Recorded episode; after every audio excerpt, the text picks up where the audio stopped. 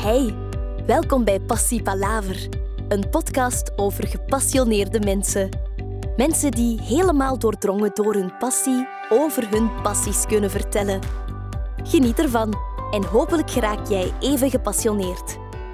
Goedemiddag, avond, morgen. Uh, ik zit hier bij Filip Gele. Dag Filip. Hallo. Hey. Uh, ik kan u heel even voorstellen. Jij hebt jij bent geboren in, op 13 januari 1983. Klopt. Ah. Uh, je studeerde licentiaat in de familiale en seksuologische wetenschappen aan de KUL. En daarna heb je een, het getuigsgebied behaald in de gespecialiseerde studie van de seksuologie, met als thetisch onderwerp de erectie, dysfunctie, praten werkt. Dat is een mond vol. Ja. Zwaar. Uh, voor de rest, uh, vertel nog eens wat meer dan. Over jezelf. Dat is zo breed. Vertel wat meer over jezelf. Wat ja, wat je daarna, da gemeten. wat heb je daarna nog gedaan? Van studies. Ik heb ook een therapieopleiding gevolgd.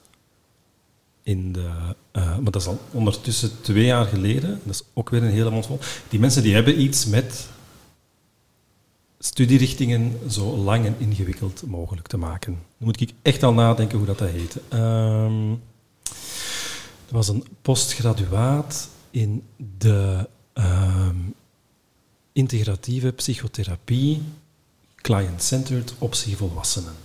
Voilà. Dus dat is een therapieopleiding die ik daarna nog extra heb gevolgd. En dat houdt in, of wat kunnen daar meer door dan... Dat is vooral gericht op de praktijk. Want in de de basisopleiding zie je heel veel theorie, heel weinig praktijk. En dit is dan een extra opleiding, vier jaar, aan de UA, Universiteit Antwerpen, om dan effectief ook zo goed mogelijk gesprekken, die therapeutische gesprekken, te kunnen voeren.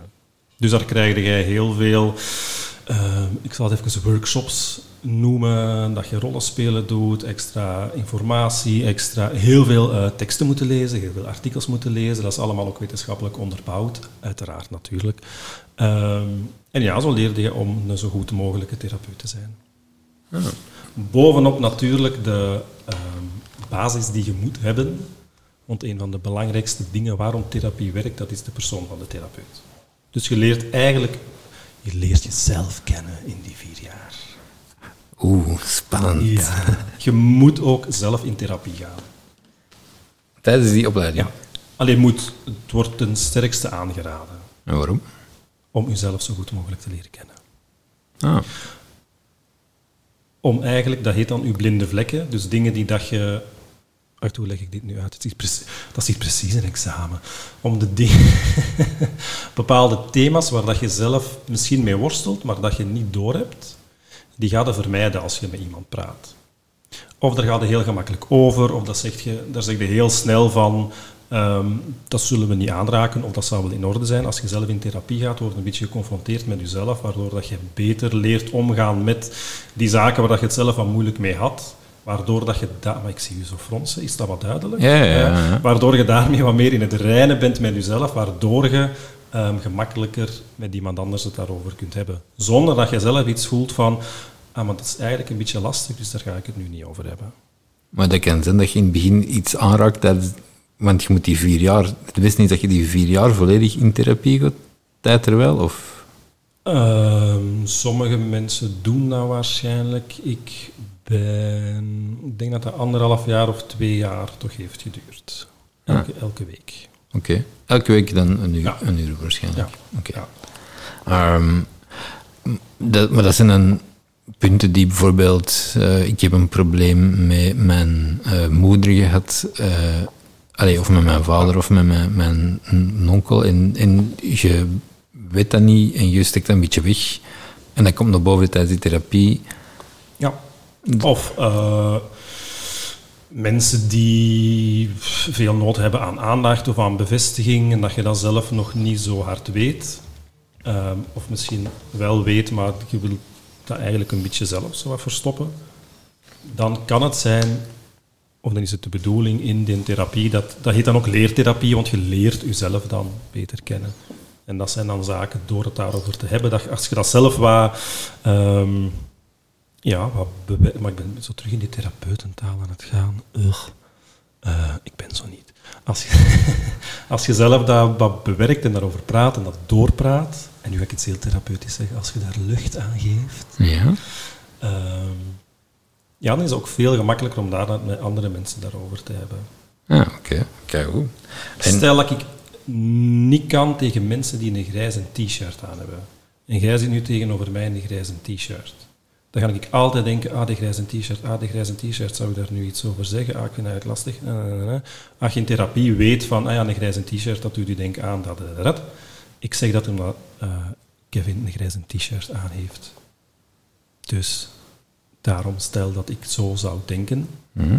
dan zou ik nu niet op mijn gemak zijn, omdat ik weet van, ah ja, oh nee, dat is misschien dit of dat, of ga ik er niet over hebben.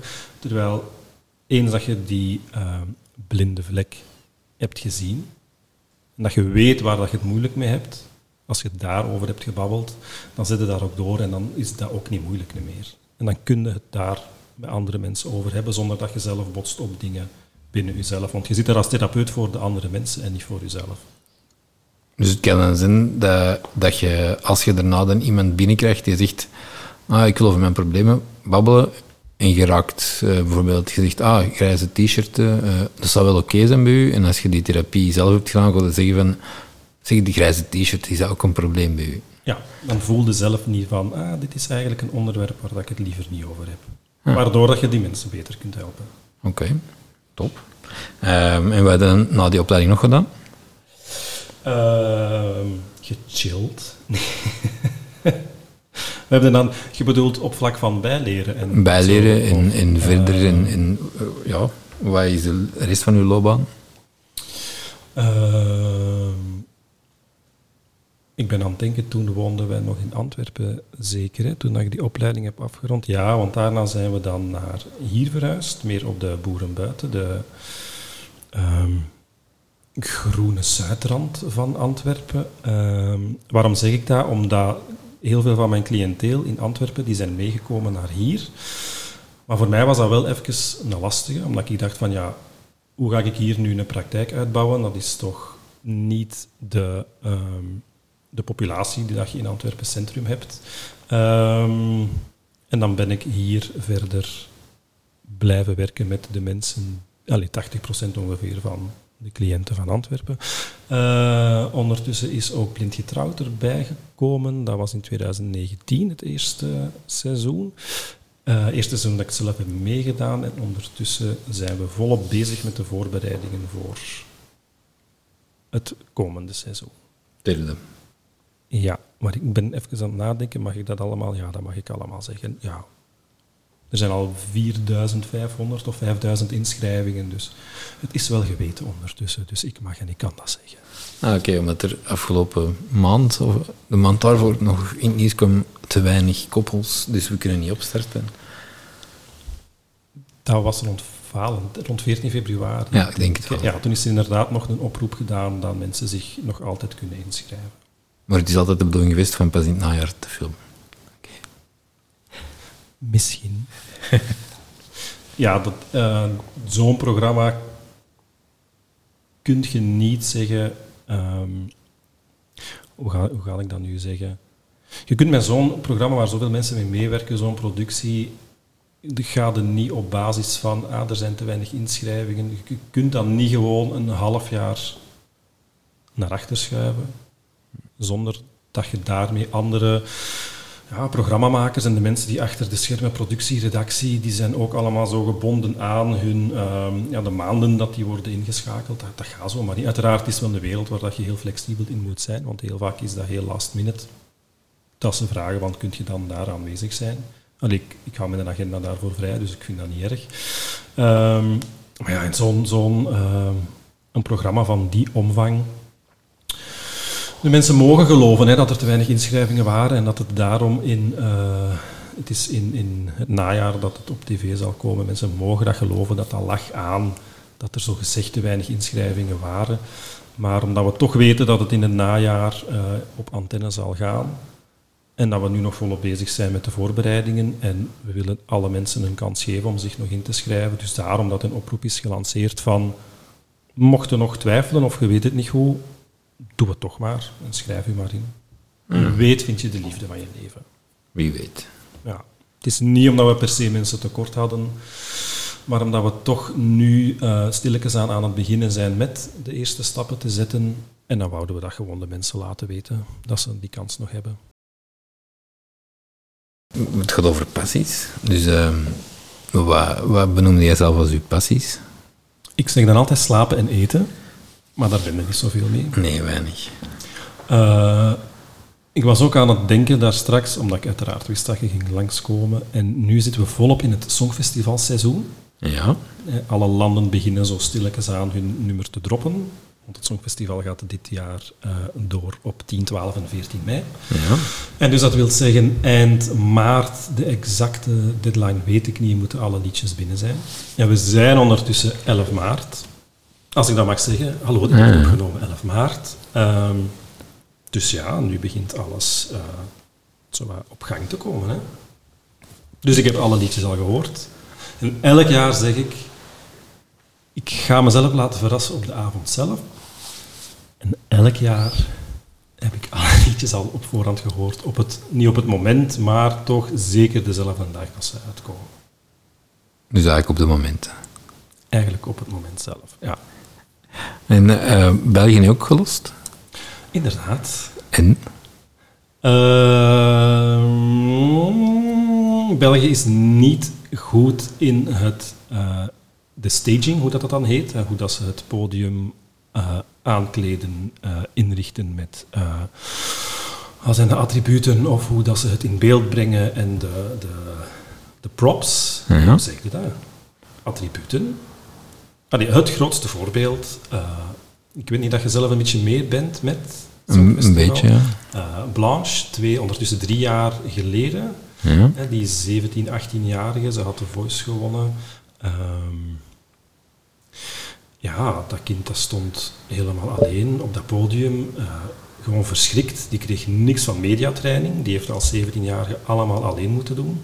De RTBF was vergeten, ik maak nu airquotes in de lucht, vergeten dat er nog effectief een stage show moest gegeven worden. Uh, ja, dat was niet gewoon om naar te kijken. Hè. En nog zijn we vierde geworden, omdat dat zo'n goed lied was. Hadden we daar een beetje moeite gedaan en iets graaf van gemaakt, uh, hadden, want dat is het jaar dat Portugal heeft gewonnen, met dat Portugees liedje, ja. uh, hadden we misschien niet van kunnen winnen, maar toch derde of tweede plaats. Dat is gewoon jammer.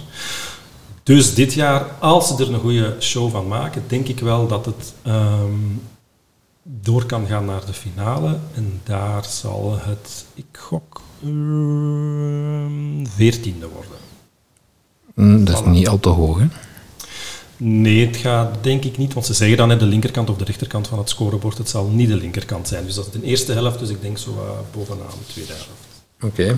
Het is... Uh, het is een zwarte en dat gebeurt niet vaak. Op, er heeft nog nooit iemand met een donkere huidskleur het Songfestival gewonnen.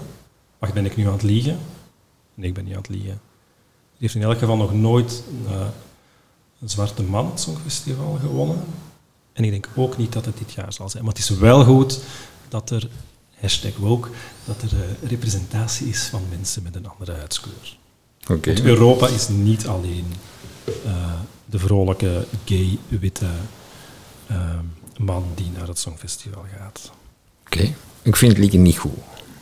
Het is niet goed. Het is, het, het, ik, we, hebben, we hebben ook uiteraard hebben wij, met verschillende vrienden een Songfestival WhatsApp groepje. En daar heb ik gezegd, ik geef het een verdienstelijke 6 op 10.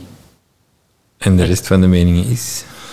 Uh, ook niet goed. Oké. Okay. Ja, het is... het zo, hij kan goed zingen. En ik hoop dat hem kan laten zien in de finale dat hem goed kan zingen. Want dat kan hij wel, want ik heb filmpjes gezien van The Voice, waar dat hem andere nummers brengt. En die kan dat. Dus het is te hopen dat hem op uh, het moment zelf gewoon kan laten zien dat hem, want er zitten heel veel hoge noten in, ja. dat hem die ook aan kan. En dat is zo de, ja, hoe zeg je dat, de, de goede vibe, zo de, de soul van het nummer, dat dat er goed door gaat komen.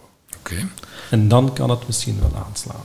En in de afgelopen, ja, zolang dat je al volgt, uw, uw favoriet Vlaam, alleen Belgisch nummer dat ooit is ingezonden? Uh, een beetje controversieel, maar iemand als jij van Barbara Dex. Waar het een Dat award is naar Ja, ja, de Barbara Award. Het kleed dat ze zelf had gemaakt. Helaas. Ehm, ik weet nog, Kate Ryan, dat we daarvan... Op, dat liedje werd toen heel hard gehyped. Ja. Up, 2006. We zaten samen te kijken eh, met een aantal vriendinnen in Leuven. Ik studeerde toen nog in Leuven. En ik weet, ik zag het toen in de halve finale en ik dacht, nee, heeft ze niet goed gedaan. Mensen dachten toen dat ze ging winnen, uiteraard zeggen ze elk jaar.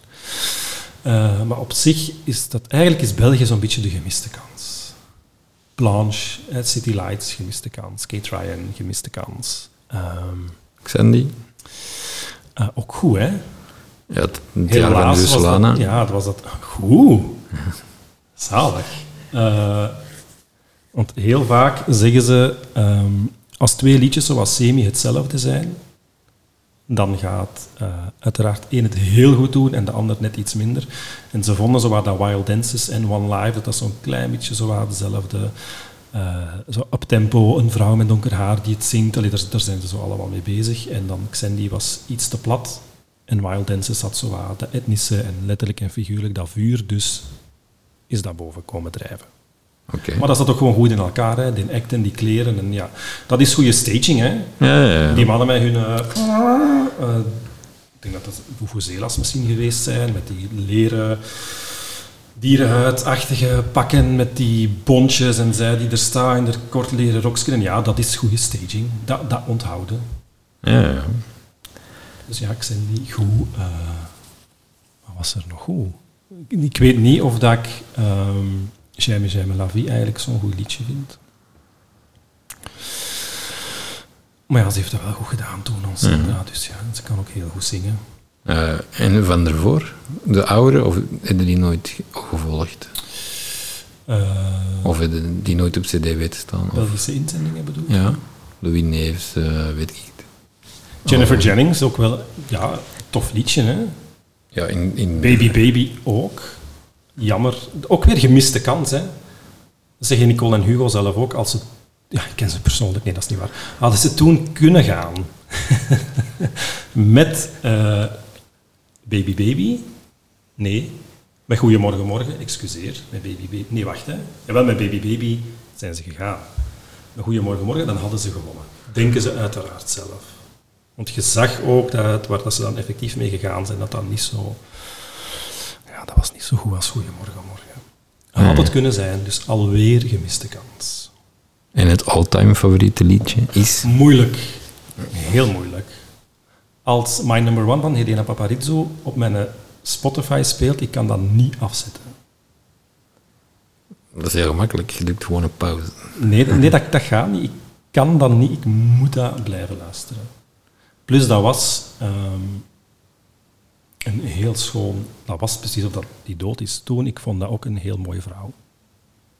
Die zag er een beetje uit als een Griekse godin. Mm, dat klopt. Zo wat gebronst en zo wat dat oranje-rood haar en dan die dansers er rond. Ja, Oké, zalig. zo. En de, de, de film gezien? Eh, Story of Fire... eh, nee, eh The Fire Saga? Ja. Ja, heb ik gezien. En? Wat vind je daarvan? Te, veel karikaturen? Of, eh, Ik vond hem niet slecht.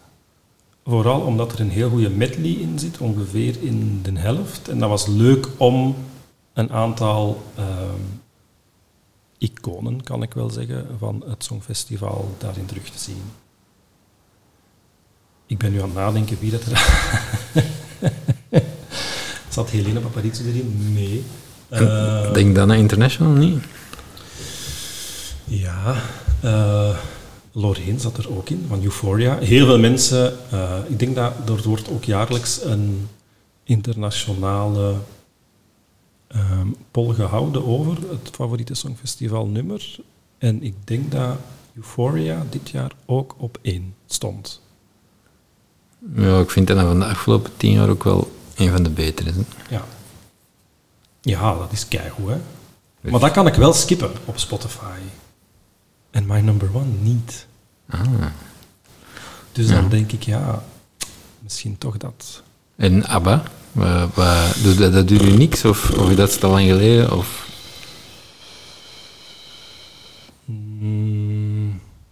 snap wel dat die toen gewonnen hebben.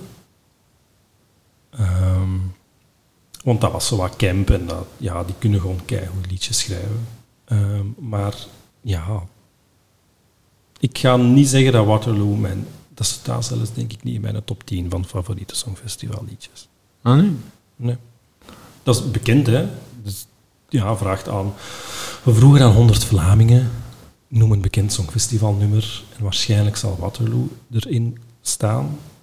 Maar voor mij vind ik dat niet echt... Nee. Misschien ook omdat ik meer ben van... ehm, ja, zoals dat je in de inleiding hebt gezegd, ik ben geboren in 83. De eerste keer dat ik het Songfestival gezien heb, dat ik mij nog kan herinneren, eh, dat was 91.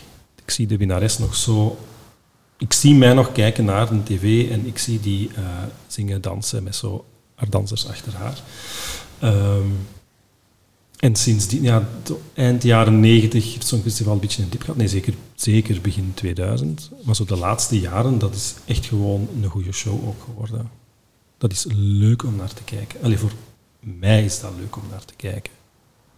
Omdat dat visueel aspect... Ze zeggen ook, hè, zo de criticasters zeggen, ja, het is geen songfestival meer geworden, het gaat niet meer om het liedje, maar het gaat meer om de act. Ergens is dat ook zo. Het is een tv-programma. Als je dat op de radio zou doen, dan zou het helemaal anders uitzien. Allee, uithoren dan. Eh, maar ik vind dat wel tof. Oh, is, is het niet altijd dat degene die winnen krijgen toch van iedereen punten? Meestal wel. Ja. Dus is het toch sowieso wel het beste liedje? Gaat dat dan echt iets anders, iets anders geven op de radio? ja, maar dat is ook eh, subjectief. Hè. Wat is het beste liedje? Wat is het beste?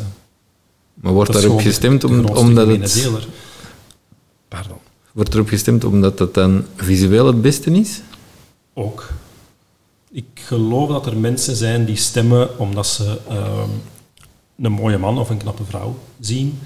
Die daar een eh, show zien die het tof in elkaar zit. Ik weet niet dat je u Rusland 2016, 17 herinnert. Ehm, dat was die man, Sergei Lazarev, My Number One. Die stond, nee, niet My Number One. Jawel. Die stond voor zo'n groot... eh, het was geen greenscreen, het werd geprojecteerd en die klom zo gezegd op diamant. Mm, ja. Allee, dat werden de rotsen geprojecteerd en dan klom die daar zo op. Ja, daar stemmen mensen voor. Hè. Oké, maar dan zou, dan zou de professionele jurering anders moeten zijn dan... Dat is ook heel vaak zo. En echt ingrijpend? Ja. Er is een... ehm, oh, als, als er een echte songfestivalkenner eh, dit nu hoort, dan gaan ze boos zijn dat ik dat niet weet. Maar er is onlangs, niet zo lang geleden, een winnaar geweest. Een winnaar, een winner, een winnaar geweest. Die was niet het hoogste bij de jury, niet het hoogste bij de publieksstemmen en heeft toch gewonnen. Oké. Ja, want stel, ehm, ik denk zelfs dat dat Duncan Lawrence is geweest, maar nu ben ik niet 100% zeker. Stel dat je tweede bent bij de jury en je bent tweede bij de televote. En er is iemand eerste bij de jury, maar vierde bij de televote. En Mhm. omgekeerd, ja, dan komt die in 2-2 het hoogste bovendrijven. Ah, ja, oké. Want Noorwegen was toen de eh, winnaar bij de publieksjury, Spirit in the Sky van Keino. Als je dat hoort, dan ken je dat. Mhm. Zo'n eh, een blonde, een blonde vrouw en de kale. En die kale zong in Joik, zo de... Dat. Sorry voor alle mensen die van die afkomst zijn. Ehm, ja, dat was gewoon keigoed. En had niemand verwacht. Dat, ik, had dat, ik had dat niet verwacht dat dat gehoopt dat dat zo hoog ging scoren. Maar die waren massaal veel, ehm, of die hadden massaal veel voorsprong bij de, ik zeggen bij de volksjury. Hey Laura en Silke. En die bij de... Eh, Laura en Silke. Het is een beetje Brussels, hè. Eh, allee, Laura is Brussels, Silke niet. Die moest ik toch even vermelden. Dat is de enige podcast waar ik naar luister. Nee, dus bij de publieksstemmen hadden die echt zot veel. Eh, en bij de jury niet, want ja, de jury vindt zoiets dan te plat, omdat dat, dat is te toegankelijk en dat is Europop en de jury, dat zijn meestal eh, vijf, nee, ja, ik denk vijf muziekkenners, dus die willen wel laten zien dat ze iets van muziek kennen en platte pop, ja, daar stemmen die niet voor. Bedoel je per land of, of in Per totaal? land, ja, elk land heeft vijf eh, muziekkenners die ze afvaardigen. En dat is dan de jury. Die hebben ook een aparte jury finale.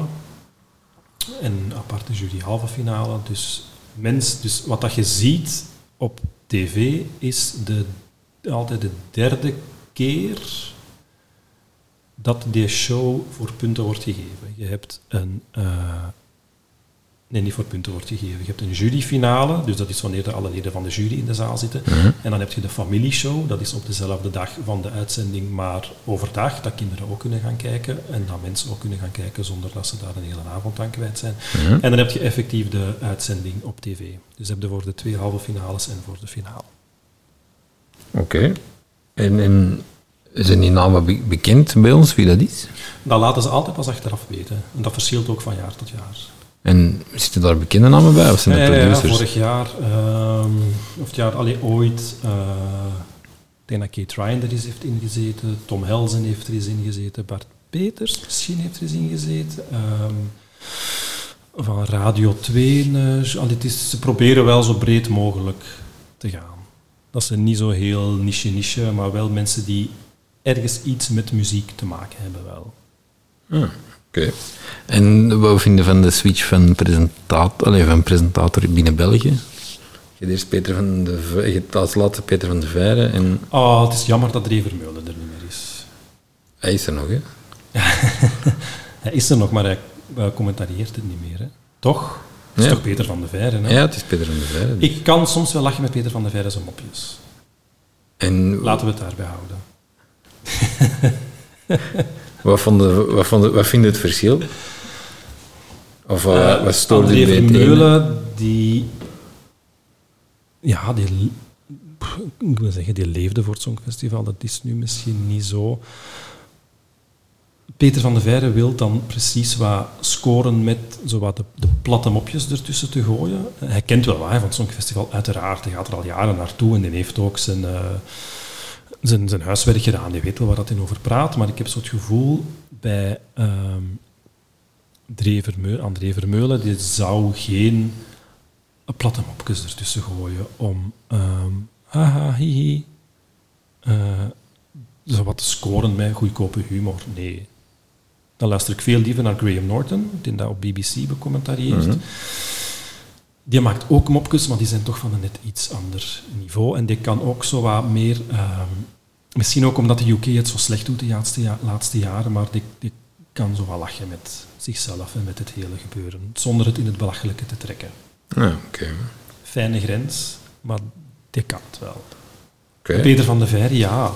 Soms kan ik er wel mee lachen met die mopjes en soms is het ook van, ah ja, moest dat echt? Oké dan. Het is, een, het is een, een, een populaire mens en die weet ook wel hoe dat hem de meerderheid moet bespelen of hoe dat hem voor de meerderheid een grappige opmerking kan maken. En soms komt hij aan en soms ook niet. Oké. En in het concept van de vijf grote, denk ik, vijf, zes grote. De Big Five, inderdaad. Maar is Australië ook niet toegetreden tot de Big Five? Nee, Big Five zijn de grootste geldschieters eigenlijk. En wat vind je van het concept daarvan? Maar dat, is dat niet een beetje... Controversiële vraag. Ehm, ze hebben dat geld wel nodig, Echt? denk ik. De kost, wat, kost, wat kost een songfestival? Aan het organiserende land of stad? Ehm, 200 miljoen, denk ik. Ja, dat is echt belachelijk veel dat dat, dat, dat kost. Dus ja, je hebt een input wel nodig, hè van landen die het ook mee bekostigen, in plaats van dat je enkel die stad... Zij het maar eens een eh, Litouwen die zoiets moet organiseren. Die hebben dat geld niet, hè. Of dat gaat door in de plaatselijke parochiezaal, met drie spots en, en omgekeerde bierkratten. Waar dat je, ja, stel dat Oekraïne nu wint. Ja, nee, hè. Gaat niet gebeuren, hè. Gaat ook niet gebeuren, want je bent een slecht nummer nu. Maar het kan wel zijn, omwille van wat er gebeurt in de wereld, dat je dan sympathy votes krijgt en dat dan zo'n land ook wel wat meer naar boven wordt ehm, getrokken in de eind. Dus als België zou winnen, moet? Brussel bijvoorbeeld... Einduitslag, sorry. Of Antwerpen. Allee, of Antwerpen 200 miljoen betalen. Dat kost 200 miljoen om... eh, ja, eh, pers, uh, de zaal, de, de, het decor, de, alles van, van marketing, van hotels, van security, van ja, wat, kost dat om een, om een gewoon evenement al te hosten? Laat staan dat je zo, of misschien is het nee, 200.000 euro, dat is veel te weinig. Nee, maar dat kost echt miljoenen. En sommige landen geven er wat meer aan dan andere. Portugal was een van de laatste jaren dat er geen ledschermen te zien waren op het podium, omdat die niet dat geld hadden, of die wouden dat geld daar niet aan geven. Dus dan wordt dat op andere manieren um, opgelost, hoe dat ze dat doen. En wat podium bouwen, dat, denk dat dat... Dat is belachelijk hoeveel dat, dat kost. Hè. En wat dragen de grote vijf dan bij? Uh, in, in geld weet ik niet. Nee, nee, puur... Ja, die zeggen ten tegen het land, oké, wij dragen een bepaald bedrag mee. Ik denk dat dat zo zal zijn, ja. Plus die zijn ook al van in het begin erbij. Uh, het begin was 1956. Uh, het Songfestival is ook opgericht na de Tweede Wereldoorlog om Europa terug wat samen te brengen, trouwens. Het is daarom ook in het begin dat ze uh, dat muziekje... Dat is denk ik Ode aan de Vrede. Kan. Verbeter me als ik fout ben. Uh, dat is ook bewust daarvoor gekozen. Dat heeft te maken met mensen samenbrengen, al die landen terug samenbrengen. We gaan eens iets doen voor uh, ja, de sfeer wat op te krikken. En de Big Five waren daarbij. Ik denk de eerste denk dat er twaalf landen waren. België was daar ook al bij. Uh, ja, dus je hebt die geldinstroom wel nodig om zo'n groot evenement te organiseren. Oké. En zij mogen ook, um, omdat ze de Big Five zijn, altijd rechtstreeks door naar de finale. En dat kan dubbel zijn, want enerzijds je staat er rechtstreeks in, anderzijds hebben de mensen uw lied. Wel hebben uh, pakt 95% van de mensen die naar het Songfestival kijken dat liedje nog nooit gehoord. En dat kan soms ook uh, tegenwerken. Dus je moet dan eigenlijk als Big Five moet jaar na jaar laatst eindigen, je moet altijd trekken naar de finale. Ja, het is ook niet meer zo um, hoe dat je dat zegt, want vroeger, voor, en dat weet ik niet wanneer, maar dat is nog geen 15 jaar oud, werd er inderdaad gekozen op basis van uw prestaties van de voorgaande jaren, of dat je mee mocht doen het volgende jaar. En dat je moest echt zoveel punten halen, daar werd een gemiddelde van getrokken. En enkel degenen die het best presteerden, die mochten meedoen, of anders moest je een jaar wachten, dan mocht je pas het jaar daarna meedoen. Uh, maar nu is het systeem van de halve finales dan in het leven geroepen. Waardoor dat je eerst bij de eerste tien moet zijn per halve finale. En dan heb je de Big Five plus het gastland, dus dan staan er 26 altijd in de finale. En vroeger was het inderdaad zo, moest je goed genoeg zijn om, of je moest een jaar overslagen, maar dat, overslaan, maar dat is niet meer. We hebben de Big Five dan ooit, heeft er een van de Big Five ooit moeten overslagen? Nee, want die, die mochten altijd gewoon meedoen. Ook sowieso toen al? Ik denk dat die altijd hebben mogen meedoen, ja. Oké. Oké. Ehm, maar als je een echt goed liedje of een goede act hebt, zoals Italië is een van de Big Five, die hebben mm gewonnen vorig jaar. Dus dat had gewoon direct die, uh, die impact en dat hadden de mensen mee. En dus als het echt goed is, dan moet je geen excuus hebben van ja, maar ze hebben het lied maar één keer kunnen horen. Want er wordt altijd ook wel in de halve finale een stukje, ik denk, een minuut getoond, waardoor de mensen het al wel een beetje gehoord hebben. Ja, oké. Okay. dat is waar.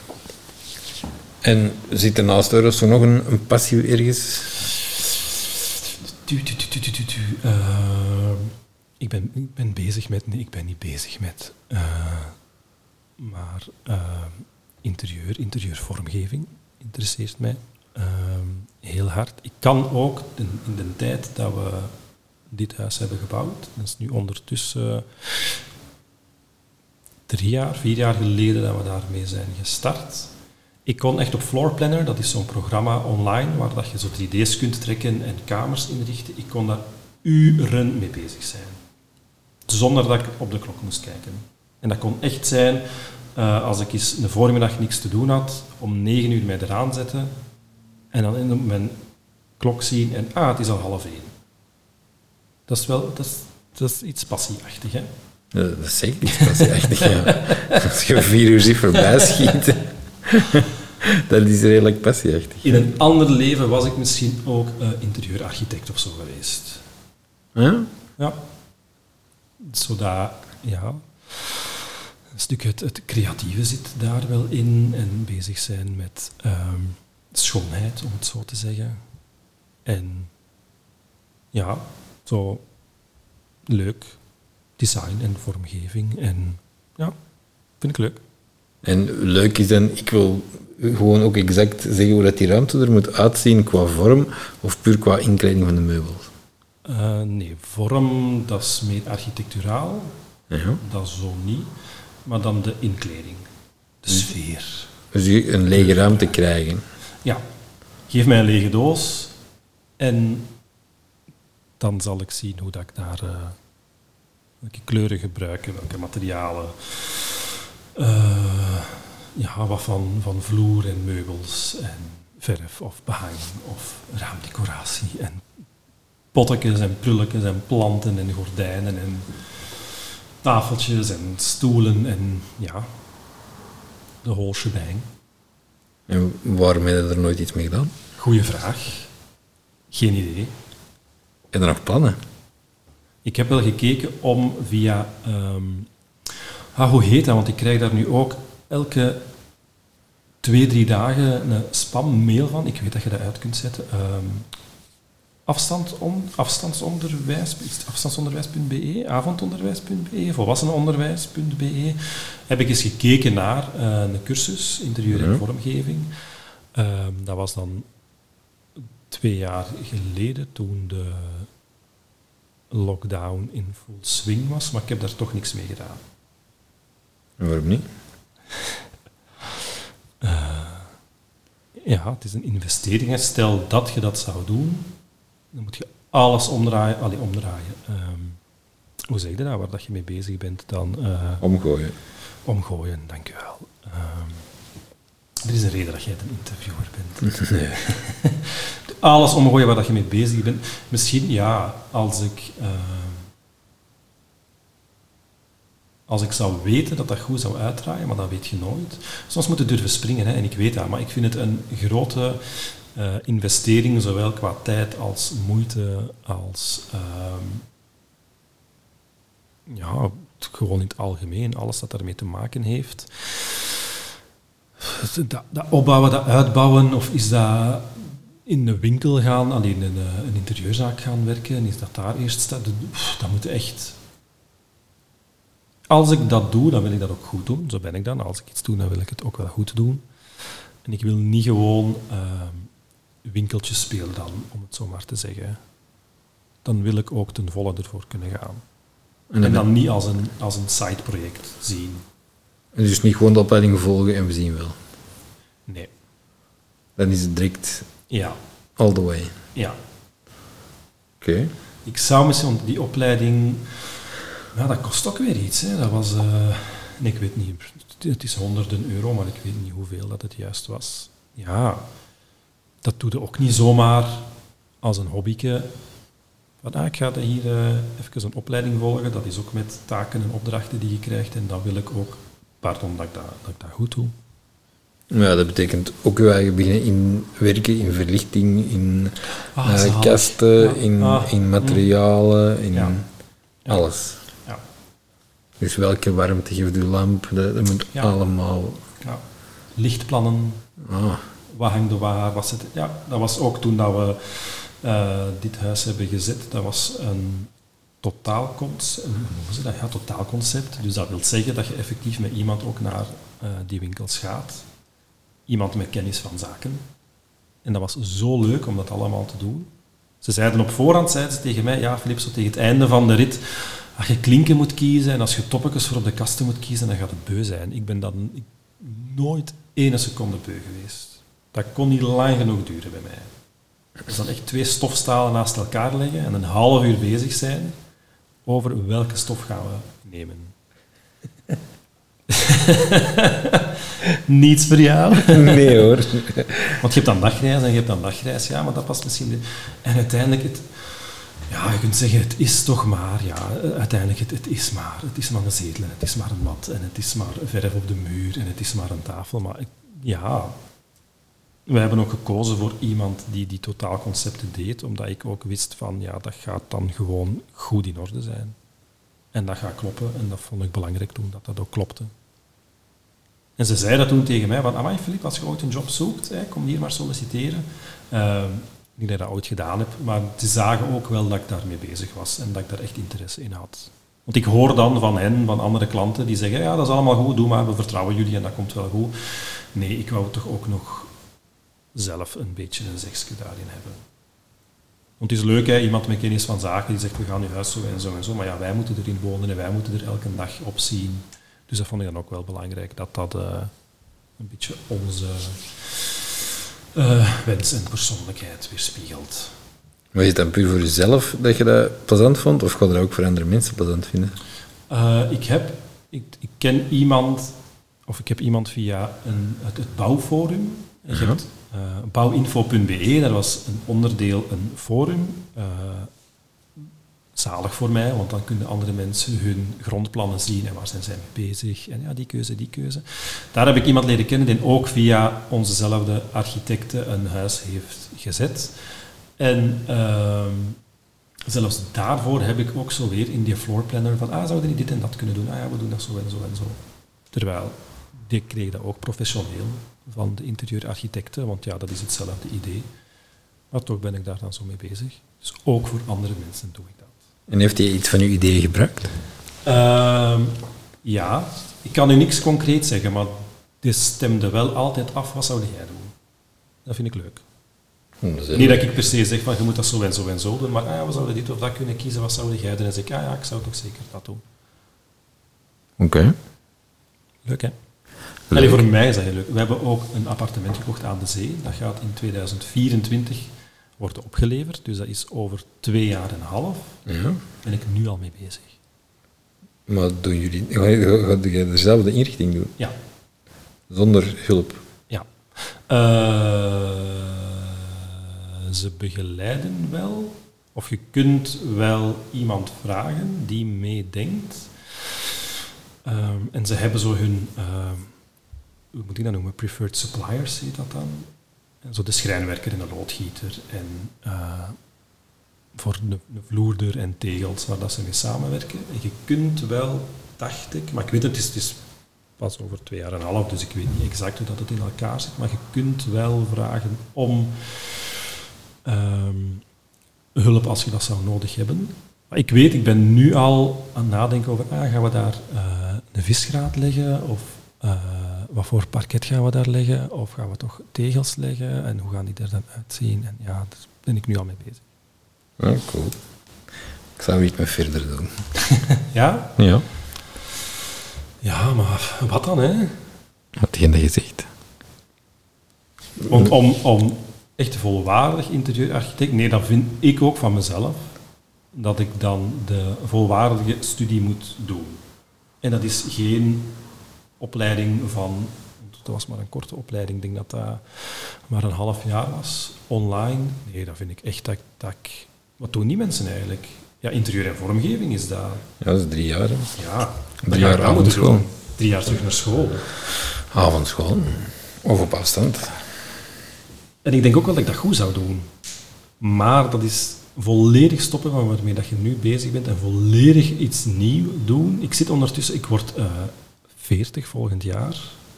En zo dat midlife gevoel, dat zit er wel een beetje aan te komen. Echt? Ja. En dat vertaalt zich in? In, uh, ik, ik word bijna 40, help nee, het is niet zo, maar wel, ook omdat we een dochter hebben gekregen onlangs, en dat zet alles ook weer in een heel ander perspectief. Uh, ja, waar zijn we mee bezig? Hè? Ik koop mijn motto en ik... Uh... nee, ik laat een oorbel schieten en ik kom een motto en een extra tattoo erbij. Nee. Maar wel, waar zijn we mee bezig en wat is er belangrijk in het leven?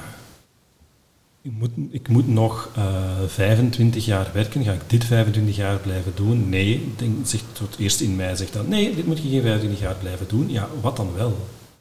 Wat is er belangrijk? Doe iets wat je graag doet. Voordat je het weet, uh, is het gedaan. Hè? Onlangs de vader van mijn... Nee, de vader van mijn broer, nee. Dat is mijn eigen vader. Uh, de vader van de beste vriend van mijn broer is uh, zo in een keer gestorven. hartaanval. een man van de... Een van de beste vriendinnen van mijn man. Ehm, onze leeftijd, 37 ja, 37, 38 jaar. Reed naar huis van het sporten en heeft iets aan zijn hart, iets aan zijn hart gekregen. Autopsie is er nog altijd niet volledig uit wat het geweest is. Twee kinderen, ja. Ook ineens gedaan, hè. Ah, ja. En als je dan 40 is, dat is nu niet dat je het al 40, maar misschien omdat je nu hier en daar wel hoort, um, of van die verhalen, die hebben allemaal wel gehoord dat, dat het zo kan gedaan zijn. En dan denk ik, ja, wat is er nu belangrijk? En dan kun je zeggen, belangrijk is dat je doet wat dat je graag doet. Voilà. Maar dat is ook een, in een, ik weet dat ik in een luxe positie zit. Ik weet dat mijn man genoeg verdient, zodat ik eigenlijk niet meer zou moeten werken. Dat is, ik weet dat. Maar ga ik dan gewoon elke dag met de buurvrouw weer koffietjes drinken en niks doen? Nee. Ik ben geen, ik ben geen vrouw. maar het zet u wat om nadenken tot, ja, wat, wat, wat ga je dan doen? En ik wil ook aan onze dochter meegeven van, jij, wilt jij moet, moet, moetjes niks, maar doe later maar wat dat je graag doet. En niet voor iemand anders of niet voor weet ik veel wat. En dan vind ik dat, dat, dat ik dat zelf ook moet kunnen uitdragen van doe wat dat je graag doet. En zo dat interieur, ja, dat is, dat is een interesse, is dat een passie? Uh, wat is een passie? Kevin, wat is een passie? Mm, als je erover praat, dat, de, dat er iets in je ogen fonkelt en zegt, dat, dat is iets dat ik graag doe. Doe. Ja, dat, dan is dat interieur wel, ja. ja. Je moet niet het gevoel hebben dat je het moet doen. Het zou niet voelen als, allee, waarschijnlijk wel, maar ze zeggen toch, als je uh, doet wat dat je graag doet, moet je nooit een dag gaan werken. Ja. Dat. En uiteraard, als dat opdrachten zijn voor andere mensen, dan is dat werk. Maar ik denk dat ik dat kei leuk zou vinden. Voilà. Dus dat is dan een passie. Voilà. En dan moet je dat doen. Oké, dus bij deze. maar ik kan daar dan ook van uh, genieten als mensen hier binnen, als mensen hier binnenkomen en die zitten en die zeggen van ah, dat is hier zo rustig. Of ah ja, je ziet dat dat hier klopt. Of ah, je hebt hier precies wel veel over nagedacht. Dan denk ik, ja inderdaad, want daar zijn we twee jaar mee bezig geweest. En dat doe ik dan niet voor de validatie van de anderen, want zoals ik zeg, wij moeten hier wonen en dat heeft daar niks mee te maken. Maar het is gewoon fijn dat je dan merkt van, ah ja, ons harde werk heeft iets, ik kan zeggen, iets opgeleverd, dat is het niet maar. Ja, als dat iets is wat dat u zo na aan het hart ligt, dan vind je dat gewoon fijn dat andere mensen dat ook zien en appreciëren. Ja, absoluut. Als jij helemaal into koken bent en je zet iets voor mensen in de neus en die eten ervan en zeggen, ah maar dat is nu echt lekker. Ik denk dat, dat het zoiets is. Je doet dat niet per se dat je wilt horen van, ah maar dat is goed, hij maakt dat recept en bla bla bla, maar dat is gewoon fijn om dat te horen. Dat is leuk. Dat andere mensen dat ook appreciëren. En zo zijn we toch bij eten aangekomen. nee, voilà. Ik denk dat we uw ultieme passie hebben gevonden natuurlijk. Uw volgende job. Ja, wie weet. Dus, ik zou ze volgen. Is het echt? Ja. Ja? Ja, echt. Oké. Okay. Ik krijg al stress. Hè. Ah, wat moet ik dan doen en wat is dan het volgende? Ja, nee, ja. Maar jij vroeg er straks, waarom hebben we dat dan niet gedaan? Ik weet het niet waarom ik dat in de tijd niet heb gedaan. Misschien weet ik het wel, maar ga ik het hier niet zeggen? Nee, dat is niet waar. Uh, het heeft wel iets gay, hè. Ik doe interieur. Het, allez, omdat het, het zit in de creatieve sector en de creatieve sector is heel vaak uh, gay. En in de, ik ben pas uh, uit de kast gekomen toen ik... Uh, dat was vrij, allez, vrij laat. 23 was dat is niet super laat, maar dat is wel vrij laat. Maar ja, op je 23ste heb je al wel gekozen, of hebben de meesten al wel gekozen wat dat ze gaan studeren. Hè. Ik zat al in Leuven toen, ik was al bezig met, um, was ik al bezig met seksologie toen, ik denk het wel. Dus ik zat toen al in dat programma, om dat zo te zeggen, en dat ging het, dat ging het dan maar worden. Oké. Dat klinkt nu negatiever dan dat ik het bedoel, hè. maar omdat je daar dan mee bezig bent, dan gaat je daar maar in verder. Ik hoor mezelf helemaal anders. Ja, dat kan. um, dus ik denk als ik toen had kunnen. Ik weet niet dat, dat ik toen al per se in dat interieur was gegaan, maar mijn moeder is daar ook heel goed in. Um, in zo dingen aankleden en um, hoe vaak thuis dat het ging over welke salontafel zouden we hier? En zou ik die zetels daar zetten? En zeg, die eettafel. En ah, we zijn naar een interieurwinkel geweest. En ah, ja, we hebben, zeg, we hebben, we hebben die stoelen gekocht. En ah, ga die gaan niet mee. Dat ging er gewoon heel vaak over. Omdat, ja, als mama doet dat ook graag. En onlangs hadden ze iemand, hadden ze iemand laten komen, omdat ze alweer het interieur een nieuwe... Allee, alweer. Dat is maar om de twintig jaar of zo dat dat is Oké. gebeurd. Hè. Maar omdat er zoveel over gepraat wordt, lijkt het alweer, eh, alweer iets laten doen. En die persoon, die professional, kwam daar binnen en hij zei, ja mevrouw, ik kan hier niks, ik kan hier niks zeggen. Hè. Dat heb je, dat heb je toch keigoed gedaan. Ja, maar ik weet het niet en ik wil zo van gedachten. Ja, nee mevrouw, sorry, maar ik kan zeggen, schildert uw muren een, een tint warmer en dat is het dan ook. Ah, oké. Dus om maar te zeggen, dat heeft er altijd wel wat in gezet. En mijn broer heeft, denk ik, ook ooit zoveel jaren geleden laten vallen dat hij dat ook wel zou willen doen. En hij is gewoon hetero met een dochter, dus heeft dan niks met gay te maken. Je kunt samen niet bieden eigenlijk. Ja, maar die heeft ondertussen een nieuwe job eh, bij Google. Die zit daar heel goed, dus die gaat dat niet doen. Maar om... Wat, ja, ja dat, dat is iets blijkbaar dat wel. En ik denk dat dat komt omdat eh, ja, ons mama daar zo mee bezig is. Ik weet niet of dat ik eh, twintig jaar geleden per se interieur zou hebben gekozen. Ehm, maar dat had er helemaal anders kunnen uitzien. Ja, waarschijnlijk. Zwaar. Ja, wat kiezen als je 18 bent? Waarom heb ik toen gekozen voor... eh, want ik heb eerst... Hoe heet dat weer? Ehm, regentaat gedaan. Eh, leerkracht secundair onderwijs, Nederlands, Engels, godsdienst. Waarom was dat toen? Omdat ik mijn eigen nog niet klaar voelde om naar universiteit te gaan. Als 17-jarig, want ehm, ik zat een jaar te vroeg als 17-jarige om al naar de universiteit te gaan. Nee, dat had niet gemarcheerd. Dus heb ik iets gedaan. Eh, talen interesseerde mij, dus ben ik dan Nederlands-Engels gaan studeren. Godsdienst. Want ik dacht, eh, ik kom van de wetenschappen wiskunde, ik was een beetje beu, dus ik dacht, oeh, ik ga iets niet wetenschappelijk doen. Dus dat is godsdienst, dan kunnen ze wat praten met die mannetjes. Not, dat was het Oude Testament en het Nieuwe Testament. En Jezus en... eh, ja, ik ben eh, niet gelovig. dus ja, dat was niet echt zo'n goede match. Dat was niet echt mijn voorbestemming. Mijn passie lag niet bij lesgeven, zullen we het zo zeggen. Maar ik ken verschillende mensen die verschillende jobs door hun leven hebben gedaan. Pff, mijn vader maar- heeft 40 jaar hetzelfde gedaan, maar ik denk dat dat op dit moment ook wel een uitzondering is. En de dingen, of de mensen die je in de boekjes leest, van eh, na, na 30 jaar op een bureau te zitten, liet Jan alles achter en hij ging in Nieuw-Zeeland een eh, schapenkwekerij oprichten. Ja, dat zijn de succesverhalen die dat je leest. Maar ik denk voor elk succesverhaal zijn er 99 of meer die niet gelukt zijn. Ja, en maar- dat zou ik jammer vinden. Maar ik kan altijd terugvallen op uw andere. Dat is waar, maar ik ga ook weer daar. Als ik iets niet wil doen, dan wil ik dat ook ten volle doen en dan ga ik dat niet als side dingen doen. Nee, maar ja, je kunt je eigen smijten op de nieuwe. En als het nieuwe geen succesverhaal blijkt te zijn, dan...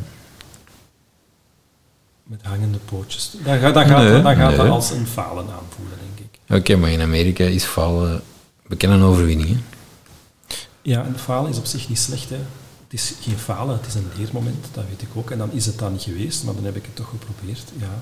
Dit is een beetje therapie, hè. Ja, goed hè. Straks moet ik nog geld vragen, denk ik. Ah, ja, nee. Plus ook, ehm, ik weet dat is niet belangrijk, wat gaan de mensen zeggen. Maar wat gaan de mensen zeggen? Dat is niet belangrijk. Voilà, dat was het. Voilà. Nee, maar dat speelt, dat speelt wel een stukje mee. Hè. Allee, speelt een stuk mee. Eigenlijk hebben de mensen daar geen zaken mee. Maar ik merk nu, ehm we hebben een dochter gekregen, is vandaag acht maanden oud. Een van de eerste vragen die je krijgt na alle mensen die ons zijn komen bezoeken in die eerste maanden is, wanneer gaat het terugwerken? Dat is een van de eerste vragen die dat je krijgt. En wanneer gaat het terug beginnen? Of en wanneer gaat ze naar de crash? Of en hoe lang duurt nu uw ouderschapsverlof? Daar zijn mensen mee bezig. Hè? Wie, zijt je, wie je en wat doet je? Zo, uw job, dat is zo hetgeen wat dat de mensen bepaalt, blijkbaar.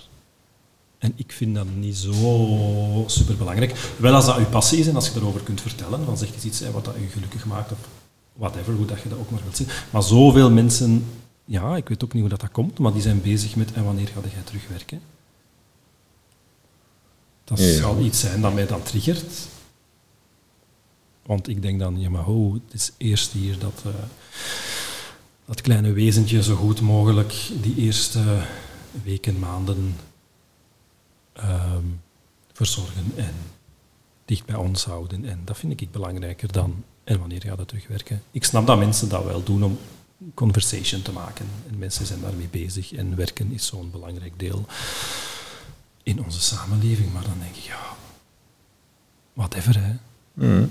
Al, blij, al word ik eh, stay-at-home dad. En dan? Maar daar is het dat ik dan denk van, ja... hmm. En eigenlijk is dat niet... Oh, maar dit is echt therapie. Dank u. Zalig. Ah, Dat is dan 50 euro, alsjeblieft. is dat terugbetaald? Nee, dat is niet Nee. terugbetaald. Jawel, als je bij het onafhankelijk ziekenfonds of het neutraal ziekenfonds of wat is het bent. Ehm, ja, nee, dat is niet belangrijk. Hè? Maar dat speelt ergens wel mee. Dus ik zou het gewoon doen. Ga jij de, opleiding, ga jij de opleiding betalen? Weet Nee. jij niet wat het kost? Ja, nee, ja. Ja. Hoe komt het dat je nu zegt, ik zou het gewoon doen? Ik weet het niet, dat past gewoon. Dat past gewoon. En, eh, Jij ziet mij dat wel doen. ja. Ik zou het... Allee, ik zou niet met u in de winkel willen rondwandelen. Waarom Persoonlijk. Ik weet zo niet. Een lichtpan is bij mij een staallamp van een Ikea. Je wilt niet geholpen worden in de winkel, want dat, dat vind ik ook niet leuk. Dat je zelf in de winkel bent. Moet ik u helpen, meneer? Nee, dank u. Nee, ik wil ook gewoon In niet... een klerenwinkel. Ik- Moet ik u helpen? Nee, dank u. Nee, ik wil ook niet geadviseerd worden in mijn keuze ook niet. Ik wil ook niet... Als dat een schone zetel is, vind ik dat een schone zetel. En als Ja. iemand zegt, ja, maar dat... Nee, past niet. Ja, wel, dat is een schone zetel. Schone zetel, makkelijk om in te zitten, punt gedaan. Dus ik zou. Dan zou ik al meegaan met u en zeggen, ja, inderdaad, als jij dat goed vindt, goed. Jij Maar- moet daarin zitten. Ik moet Ja, daar niet in zitten. nee, maar ja, als het niet binnen het totaalconcept past. Ja, maar dan, dan, fixen we dat wel. Dan zeggen we, ah ja, dat is dan zo het element dat eruit springt en dan zullen we naar de rest kijken. Ja, dat is waar, maar... Ik zou Je moet, ook, je moet ook, als je die job doet, moet ook een beetje verkopen. En ik ben geen verkoper, maar ik denk als je iets met passie doet, dat je wel mensen kunt meekrijgen in je verhaal. En dan ben je niet per se, dan zit je geen koude verkoper, als in ik moet hier mijn targets halen en sales, sales, sales. Maar als je mensen dan kunt overtuigen van, en als ze meestappen, en als ze zien van, ja, die mensen kent er iets van, we zullen dat dan zo doen, dan vind ik dat anders dan dat ik per se tegen u ga zeggen, nee, nee, je moet hier die zetel gaan kopen. Mhm, dat is waar. Maar je zou er geen goede in zijn. Nee. Nee. Bij u is dat puur functioneel. Ja. Ja, het is ook functioneel. Hè? Maar dat functionele mag ook in mijn ogen dan iets esthetisch hebben. Dat is waar. Dat is het verschil tussen ons natuurlijk. Ja. Want ik heb ooit, in de tijd dat ik nog bij BASF werkte, en de grote chemie, chemiereus in de haven van Antwerpen, en ik was toen ook op zoek naar een andere job. Ik zat toen op de HR-dienst en dan heb ik een, hoe heet het? Loopbaancoach. Ja, ja. Ja. eh, dank u wel. Ik wou zeggen, een, een, zo'n carrièreoverweging, mevrouw. Eh, dus ik ben naar de carrièreoverweging, mevrouw, Ja. geweest. En daar kwam ook al naar boven van, ah, jij vindt eh, zo schoonheid blijkbaar wel belangrijk. En dan vond ik dat zo logisch. En dan zeg ik, dat is toch kei logisch? En dan zei hij, nee, Filip, voor u is dat heel logisch. Maar niet voor iedereen is dat logisch. Nou, voilà. Zie, zelfs als die loopbaancoach dat zegt. Ja. Maar toen zijn we wel uitgekomen op therapeut, maar ik denk dat dat zo'n beetje gestuurd heb, omdat ik dat toen al wel in bijberoep deed. Ja, voilà. Want dat ging er toen over, en hoe ziet uw huis eruit? We woonden toen in Antwerpen, een eh heerhuis met veel verdiepen en zo. Er was één bepaalde kleur, zo dat okergeel, dat kwam overal in terug. En ik zei, dat is toch kei logisch dat je dat op elk verdiep laat terugkomen. Dan, dat verbindt alles met elkaar en dan heb je zo wat rust en je ziet dezelfde kleur en daardoor weet je van dat is er allemaal afgestemd op elkaar en ja, dat is dan toch schoon. Ik zeg, dat is toch logisch? En toen zei ze dus die woorden van nee, voor u is dat logisch. Dus dat zit ergens wel Voilà. in Over naar de laatste vraag. Het is al de laatste. Ja. Ehm, wie, wie adviseerde jij aan om ook te interviewen die, waar jij van weet, Die is zo gepassioneerd, die kan honderd uit vertellen. Oei, oei, oei. Ehm, moet dat iemand bekend zijn? Nee. Dat mag iedereen zijn. En dan waarschijnlijk iemand die dat ik persoonlijk ken, of gewoon iemand waarvan ik weet, ah, dat is iemand die bezig is met iets. Dat mag alle twee.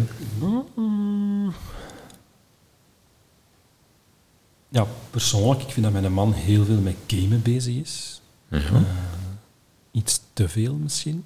Nee, maar dat mag. Ehm,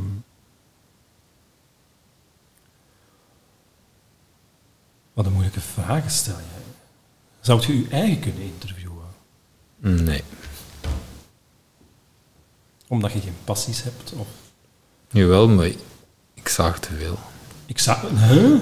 Dus ik blijf te lang doorgaan op één onderwerp. Maar dat is toch hetgeen wat je nodig hebt? Dat is waar, maar dat, dat komt soms in, in enorme vlagen van niet te stoppen gezever. Jij noemt dat gezever, maar sommige mensen kunnen dat misschien kei interessant Dat is waar. Ehm, wie weet er... Oeh. Ehm, daar ben ik ook aan het denken aan wat zou er interessant zijn waar dan nog niet heel veel mensen heel veel het over hebben gehad. Ehm, heeft iemand het al over padel gehad? Nee. Doe ik ook, hè. Zou ik het ook over? Nee. Ik weet het niet, ik vind dat een hele moeilijke vraag. Eh, wie is er gepassioneerd bezig met iets? Ehm,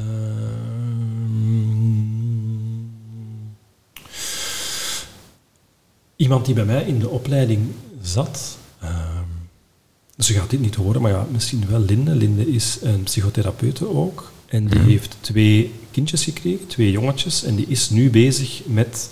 ehm,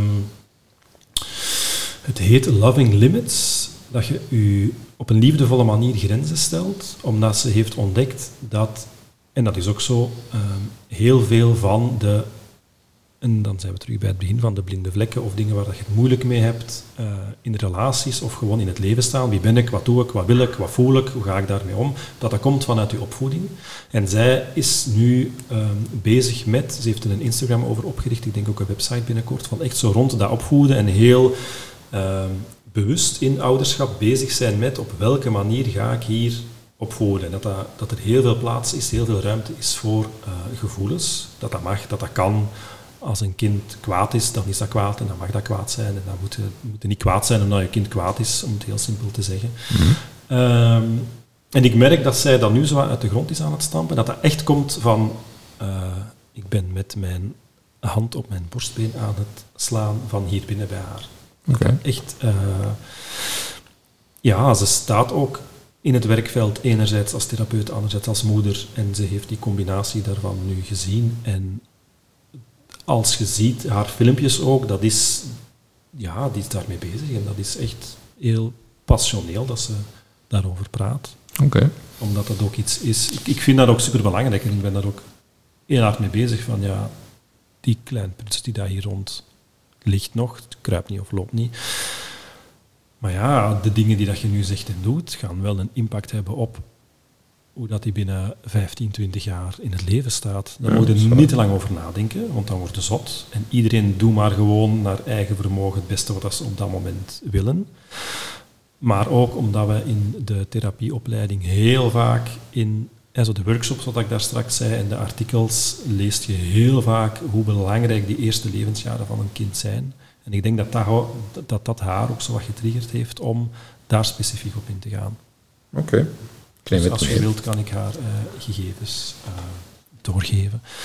Maar ook, ik zeg dat ook omdat dat ook iets is, ik zeg het dat mij interesseert en daarom dat dat ergens wel in een keer naar boven sprong. Oké, zo wel. Ik neem het mee. Neem het mee. Bedankt dat ik hier mocht komen. Het was heel leuk. gedaan. Vond ik ook. Oké. Doei. Bye bye.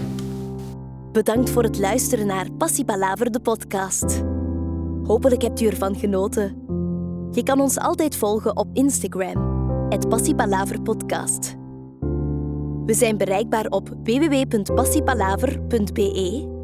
En als er suggesties of opmerkingen zijn, kan je altijd mailen naar passiepalaver.gmail.com.